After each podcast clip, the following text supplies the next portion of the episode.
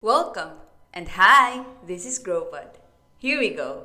Hi! So for today's episode, I've invited someone, someone very close to me, very dear to me, and one of the most genuine people I know, and one of the most beautiful souls. And so her name is Mary Blesa Kalahat. We were blackmates pag first year na mo sa Cebu, first year college.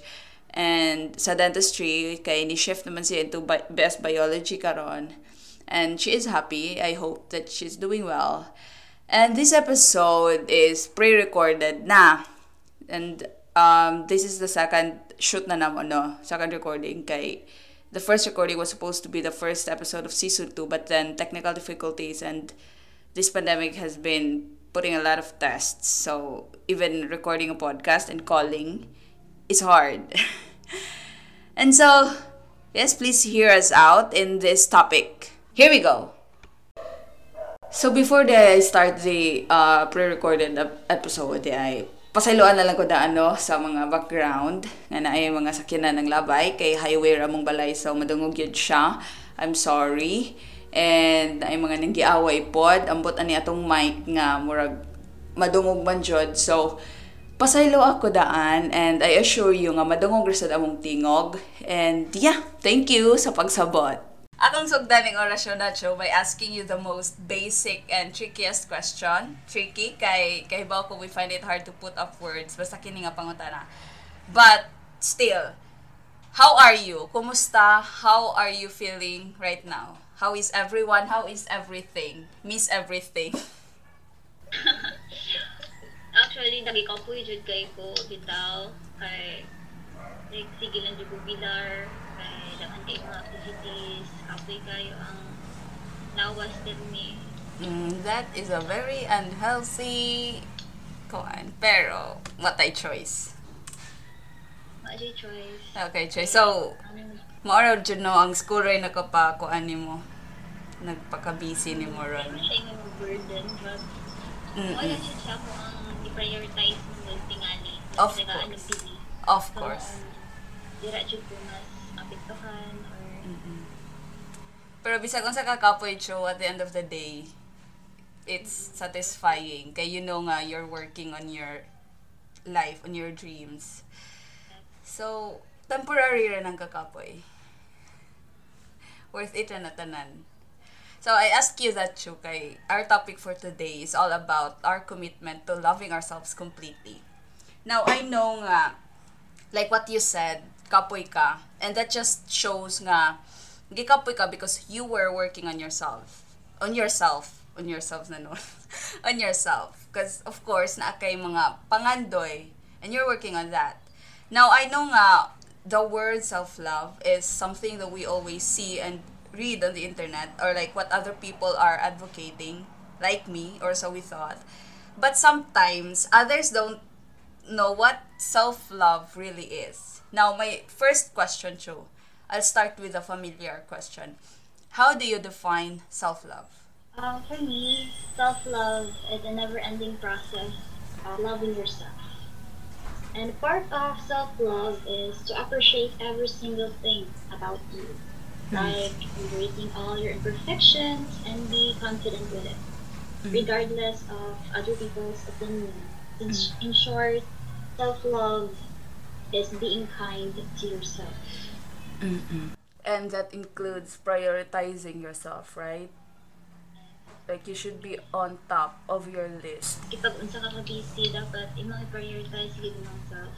Mm-mm. Uh, dili imong Yeah, because it. Kung saan nimo pag, kung saan nimo pag liho, if imuhang kaugalingon, parehan ako karon luya na kaayo. Mm-mm. So, na dapat ang self-love. Mm, like if nag nagets na ko no imong point kay ang atong functionality mong good mag mag-reflect about how we take care of ourselves, 'di ba?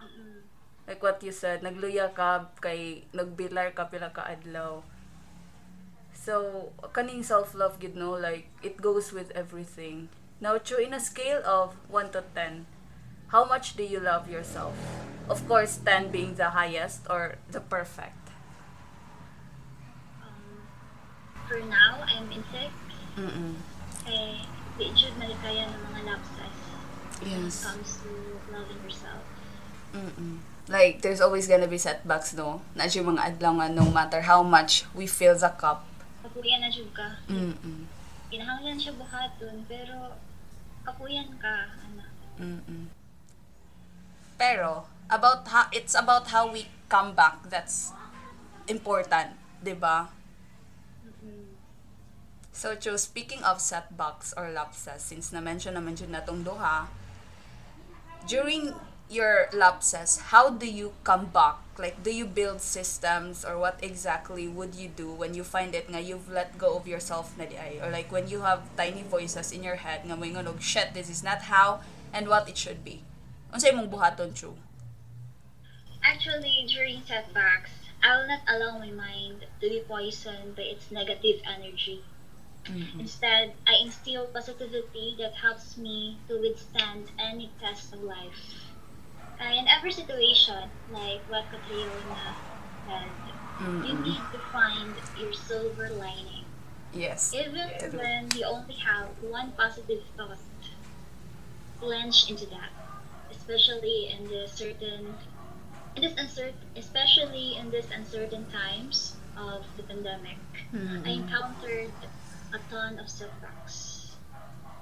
And I guess this positivity in me helps me to overcome all those setbacks. Mm-mm. So, kung andyan ka, no, everything, everything you do, whatever it is, you'll always um, instill or install positivity within you. Yes, yes. Mm, that's ko an. Luya na imong lawas, unya, imong pang i-poison di mong mind. Sa imong hunahuna nga, ah, di na siya kaya, wala na siya, negat negative kay ka. So, ang outcome, ang result, wala. Mm-mm, diba? Kaya atong mind man siya magsulti kung unsay ato ang action. Right? If ko Now, I want to add up lang po Cho, about I mean, admiring kaayo imuhang way, no? Like, to install positivity. Kay, ako, ah, I'm a very opposite person po sa imuha. Kay, like, whatever, how much, no, mat, bisag unsa ako pag, kung ano, positivity, na mo simang. na mo sulod nga negativity. Oh, as in. So like, what I would do po, since namo ko daghang time, I'm privileged enough to have the time, at least for a year, kay nag-gap year man ko. I will take a full rest, as in full rest, like one week. Maka-feel, maka-feel ko nga, before ko maabot sa time nga, too much, ma-feel na nako nga padong na ko sa too much nga level. So, when that thought comes, ma-shutdown gyud ko for a week, cho. Bisag unsa pa na ka positive, ma-shutdown ko. No routine, no workouts, mubangon ra kog tingkaon ha, bisag mag-inom kog tubig, magtapad ra kog tumbler para maghigda ra ko mainom. Ingana nga shutdown. Palamon and then senyorita. nga na. Yeah, pero mukaon gyapon ko mindfully no cause that's fuel. And then after that, basta makontento na akong lawas. Na feel na ako nga fully rested na ko. Mubali ko. Back to routines and whatever. And then ang mu uban na lang dayon na ang positivity. Oo. And then what I kanang akong na find out pod, one of the main ingredients good for a productive life and self-love is pahuway. Pahuway gyud. Mm. I mean, kapuyon mo gani ko, di ba nga? Tao, uy. Oo, ako gani, so kapuyon gani ko nga nagtambay ra ko, wala ko gibuhat kaayo. How much more, di ba nga kamo online students? Like, Yeah. ako ay nalaman sa ko, like, Mm-mm. karon ibasa na ako tanan ako assignment kay ako ang ibutang sa kumuna-huna nga the next day matulog kog taman lang jud lagi ana same way pud sa imo ha bitaw Mm-mm. ayon ana imong way Mm Kay, di ba, ako as tambay, kapuyon gani ko, niya, kamo, mo add up pa inyo nga, online students mo, niya, mo add up pa sa inyong baggage nga naamos balay, nag-eskwela, which is not ideal for a learning environment, to be honest. kay naapod kay responsibility sa balay Mm-mm. Mao like, jud na. ako ganaluto pud ko Mm-mm, mao jud na. Pressure pod, 'di ba? And so that that way, di, di na lang ko mag-imagine nun sa kakapoy kay I've been there na pod. main reason nga nung nag-gap year ko para makapahuway. Maka-shutdown for as long as I like. So like I just hope and I pray nga kamong like we take more pahuway bitaw than we usually take. Kung kaya sa one week nga pahuway, buhaton, but if dili, bisag usa ka adlaw like what you said, matug usa ka adlaw. And to leave some love for ourselves bitaw, dili na to iyabo tanan. Munang ilang muna ilang giingon nga don't sacrifice your today for your tomorrow. Mm, Now, if you want the self-love that you deserve, pahuway. But enough rest nga you are not wasting your time pod. Now, what does self-love look like for you, Chu, on a daily basis? Does it consist of self-care or do you build routines also or systems? Um, on a daily basis, self-love looks like a routine. Have said. Where every day you have to do repeatedly, you have to repeatedly do something for your own sake. Mm. Like, what do you do, for example, Chu? Do you work out? No, I don't. project ko ka sayaw-sayaw. Mm, that's still kuan. That's still moving kay sayo sayo gihapon na. Oo, but dili siya per me. Mm mm So, if mag-TikTok ako, dira ra jud kong sumove, taman. mm. Maka naliw akong lawas. Pero, dili ko mag-TikTok, no, I don't work out. Mm-mm. So what else do you do? Kanang mabatag sa'yo, dapat mamatag yung sa'yo kay para makaon og sakto sa oras and malikayan ang mga sakit-sakit, mga like ulcer, ba na siya. Na po na siya og mga unhealthy habits. Mm na ako, ba? mm mm Then, like, kanang dili ko mainom og enough na tubig kay Makalimot. Nasa tubig, makalimot or di na ko ganahan. Magtapol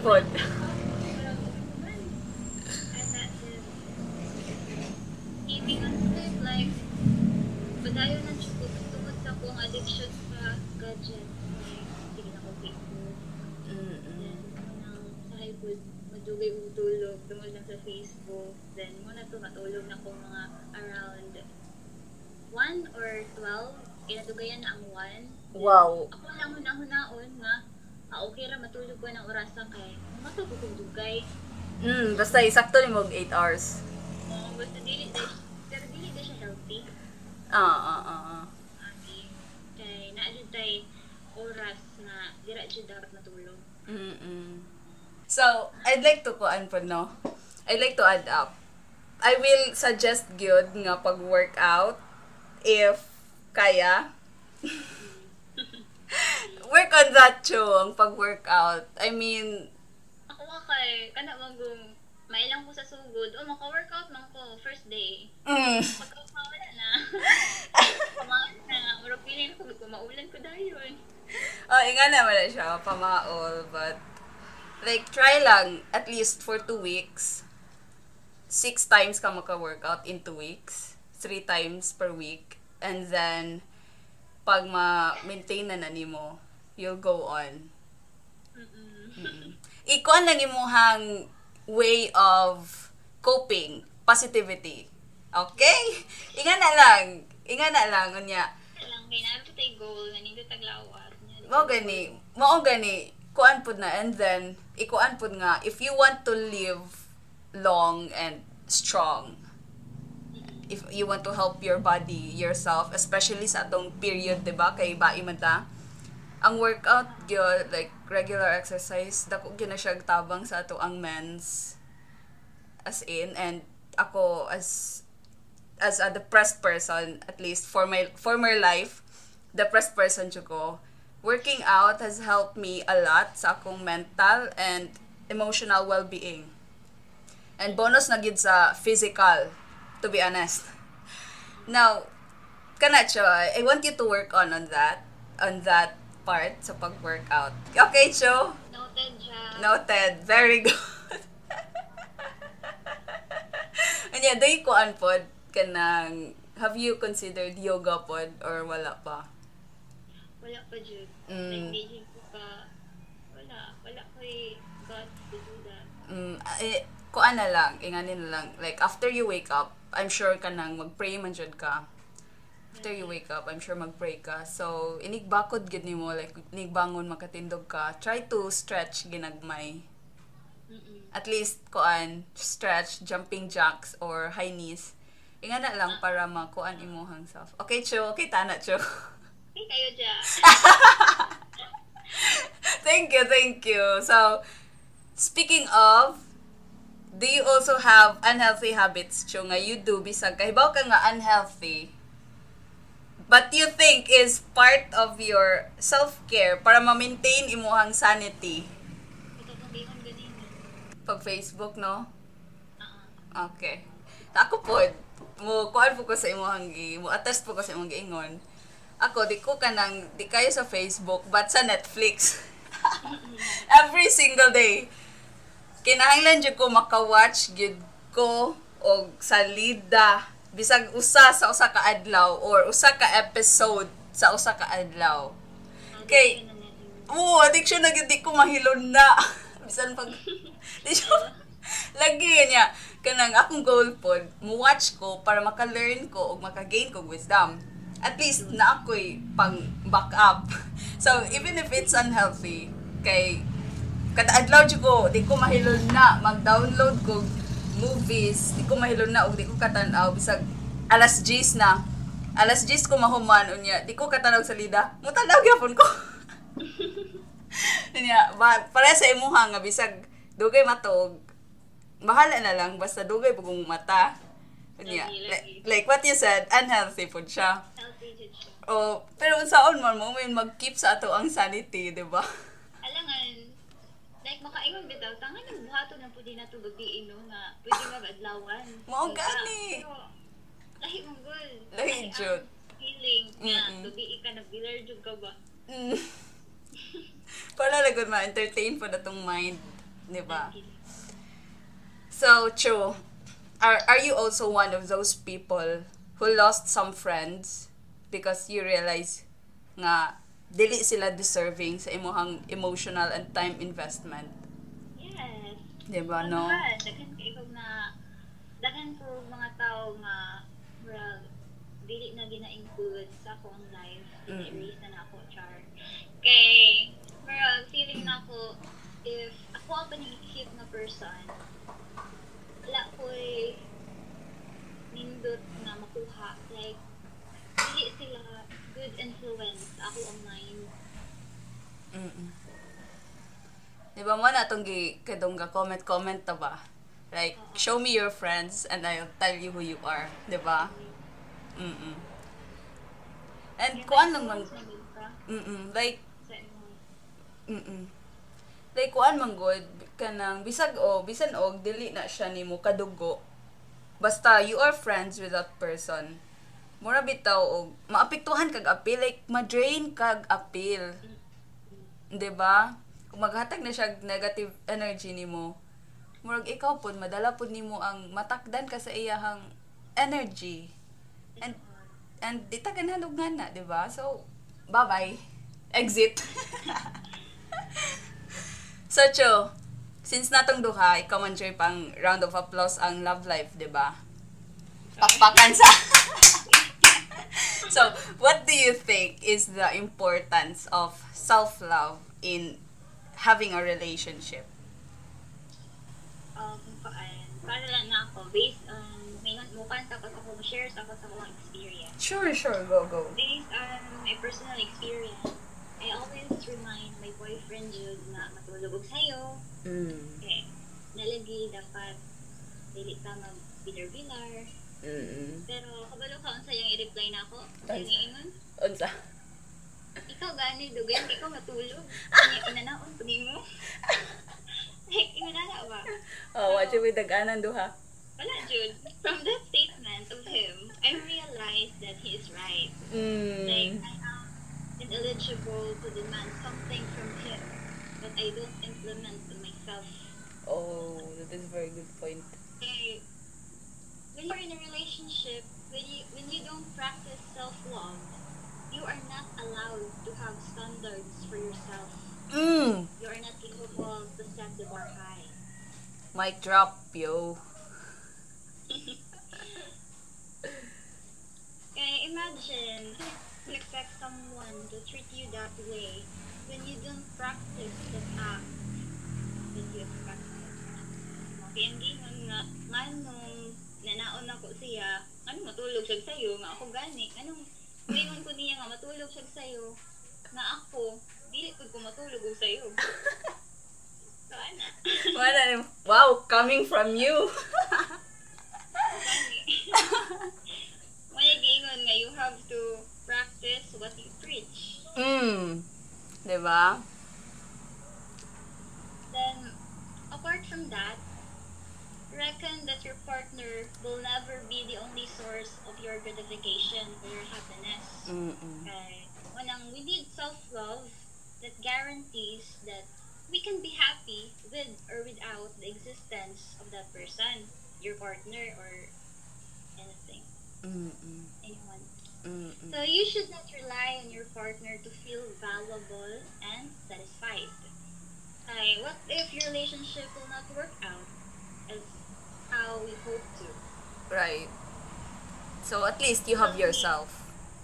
Uh, you have yourself at the end of the day.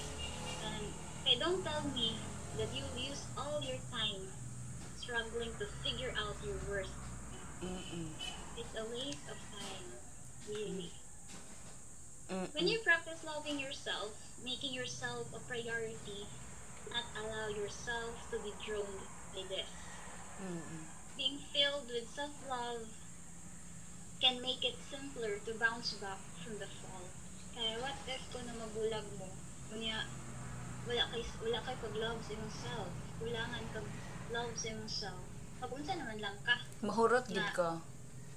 Krutsug ka, nagdepend, nagdepend ra ka ato anak. Ang Mm-mm. mga ibali, para nimo, dili na ko kakitag laing laki. My God. Parehan ni, dili na ko kakitag laing laki, parehan niya. If imong happiness nakadepend na ato niya, so unsaon man nimo pag-start na pod? Mm. Unsaon nimo pag-survive? Padili, isod eh. Mm-mm. Ako po, Joe, mo add up ko. Like, sakto kayo imong giingon, no? And it goes with the other way around. I mean, di ta mo deal sa person nga mo ingon og you are my priority. Or like, Mm-mm, kita ang number one because that person cannot be reliable, at least personally ha. Kay what happens manggod, like you said, mahurot siya. So, di siya ka-maintain anang nga vibe nga priority kaniya. Because as, as days pass, mahurot siya, mahutdan siya gikahatag nimo. Mahurot siya kay wala niya gihatagan bitaw og priority iyahang kaugalingon. Mo nang ang uban, mo mo question sila nga ayo ra sa sugod ang mga laki nga in the end mawag ora sila. Yes, kay you both thought oh nga one way to impress a girl is by making that girl his priority. A priority. Mm Pero dili na siya ingana. Ganahan kag uyab nga maka-maintain og vibe. Choose a person nga i-show sa imo ha nga priority niya yung kaugalingon. Then that way, believe me or not, that person will keep that person jud if iyang self iyang priority. Change your mindset nga dili jud kita dapat girls ang priority sa atong uyab. Kita dapat ang mo priority sa atong kaugalingon. Sakto ba ang grammar? Mm. Paita ni wala oy. Gingon siya nga, love yourself first. So you Yes. can truly love your partner. Mm-mm. Pero sa mong giingon nga, di ta maka set og standard. Kinsa ta para mo set og standard sa usa ka tawo kung wala ta naka-set og standard for ourselves. Okay? Ato ta sa tao, again, ato ta sa tao, nga iyang kaugalingon and his faith, iyang number one. Okay? Ato ra ta sa tao nga, number two ra ta or number three at least. Lagi. Like, dili ko ka, kuan, nga nung naiuban mo ingon, ikaw akong priority. Wow. Wow! Are you sure? Mao Jude! My God! Siguro if, mo, kuan mo ta, if atong i-prioritize ang sa katao, like, nag-expect ka na, atong partner maka-maintain ani nga vibe. From that, dagmag atong di pressure ato ang partner nga dapat ma-maintain gid niya nga dapat trato ta nga kanang dapat nga puro ba og naa siya naa siya responsibility gid nga dapat malipay ka per day.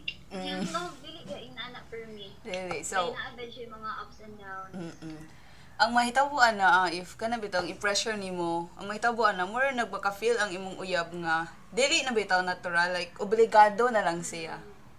And Lagi. people don't want that, di ba? Pero dili na lang niya, dili niya will. Ang ginahimo. Murag, kaingon siya dapat inani buhay. Ora gani ginademand or ganahan sa kong uyab. Sa kong Mm-hmm. Oo, na. which is not healthy good. Mm. Kadugayan na na. Digid mo magdugay na ah. Uh, To be Wala honest. dahil self-love, ang usa ka tao, dili ka maka-create og relationship na healthy. Mm. Magka-toxic noon. So, for the episode ender two, what advice can you give para sa tanang naminaw? To all the listeners, dapat jud nga before come enter into a relationship, you should love yourself first. Tinuod yun na siya. Mm-mm. Ay, love yourself, then ay hara ka mo enter sa love kung kanas ah, ready na ka. Yes. Kung kanas abuo na ka. Kung kanus-an na feel na nimo ang cup. Mm-mm. So, for me pod, I always see internet people whenever maka-experience sila buwag or break up. They'd go saying nga, self-love sa ta, or like, di sa ko ana mag self-love sa ko. I mean, that's okay, that's right. And the way I see it, they do self-love mangod after the breakup, which is wrong because you should be doing that before you even went into a relationship. You should be doing that in every fiber of your being, the very first on your list every day of your life. It's not a task that has a date of when you should do it or a deadline. It's everything. It's every day. Every day or any day, everything or anything, it all boils down to how we love ourselves. Before you date someone, like you said, ask yourself first if na-feel na ba nimo ang imong cup of self-love. If not, do not engage. Don't be selfish. Don't give your unstable self to someone para lang ma-fix ka. Fix yourself first. Fill your cup. And then, after, pwede na ka mo love og tao. Don't expect to be treated right if you hadn't been treating yourself right in the first place ayaw pod pag-expect nga maka-rely ka sa usa ka tao. Kung di ka ka-rely mismo sa imong kaugalingon. Like what Chucho said. Before you argue with someone, assess yourself first. Kung mag-align ba inyong deepness. If not, exit. Don't waste your time. And before you sacrifice something, ask yourself first kung unsa ka ka-ready mentally. Before you do something, make sure nga na kay back up nga pahuway. Like, inga na ra gyud siya. Think of yourself first. Like what Chucho has always been saying. And if there's one advice I can leave, it's this. Practice self-awareness and that way you'll know what to feel in your cup. So I think that's it for today, guys. Naiganahan ni Ingon si Chucho. Follow her social media account. Sige na, Chucho, i-plug na imong social media. On Instagram, please follow me at I am blessed. Sige. I dot am blessed. Mm-mm. So I repeat, I at I dot A M B L E S S. Okay, please check out her Instagram guys. Na dito ang mga kaanyagan sa iyang noun. Char. Na dito tanan guys ang mga pinamodeling. Sila, oy. Bitaw guys, i-follow si Chucho. Ako ra po na siyang i-show sa show notes ang link sa iyahang Instagram. And Cho, thank you, Cho. Thank you for that. I hope wala ka kanalain ako. Ang nalaing ko eh. Naunsa. Ako pa magaling. Ako an kay naikog kay ko kay wala ko para di bito gabi kay as in lutang kay ko katugo na kay ko. Okay ra jud oy. Ako ako mas maikog ko kay ako'y nag nangayo sa imong time, 'di ba? Mas naikog jud ko. And salamat kay imo kong gi Pero mas naikog ko sa gift, oy. That's it for today, guys. I hope nga na nakasabot ra pud mo no. Naara mo na nakuha nga lessons or wisdom. Kay na we were both worried yun ni Chuchu kay about if sakto ba among gipang-ingon if nabay pulos or nabay sulod or unod among gipang sulti dira. Basta we certainly hope so nga we did and we said what we needed to say if need pa man og improvement akong way of talking and interviewing someone since I am not very well spoken pod I grew up in a environment nga we were not much of a talker so I am you know uh, improving my communication skills. So if na may mga judgments or criticisms, I am very open. Uh, chatty lang ko and give me tips. And for Chucho, she she's worried. Uh, she might not say everything in a very well place. but for me, she did, and I had a very great conversation with her as usual. And so, thank you, thank you sa pagpaminaw. And uh, once again, thank you, Chu, for this time, for your time. And I hope you love my gift. Advance gift no po to. Once again, dagang salamat. You're listening to Growbot. Don't forget to follow and share. Palihog lang! My God! Yay!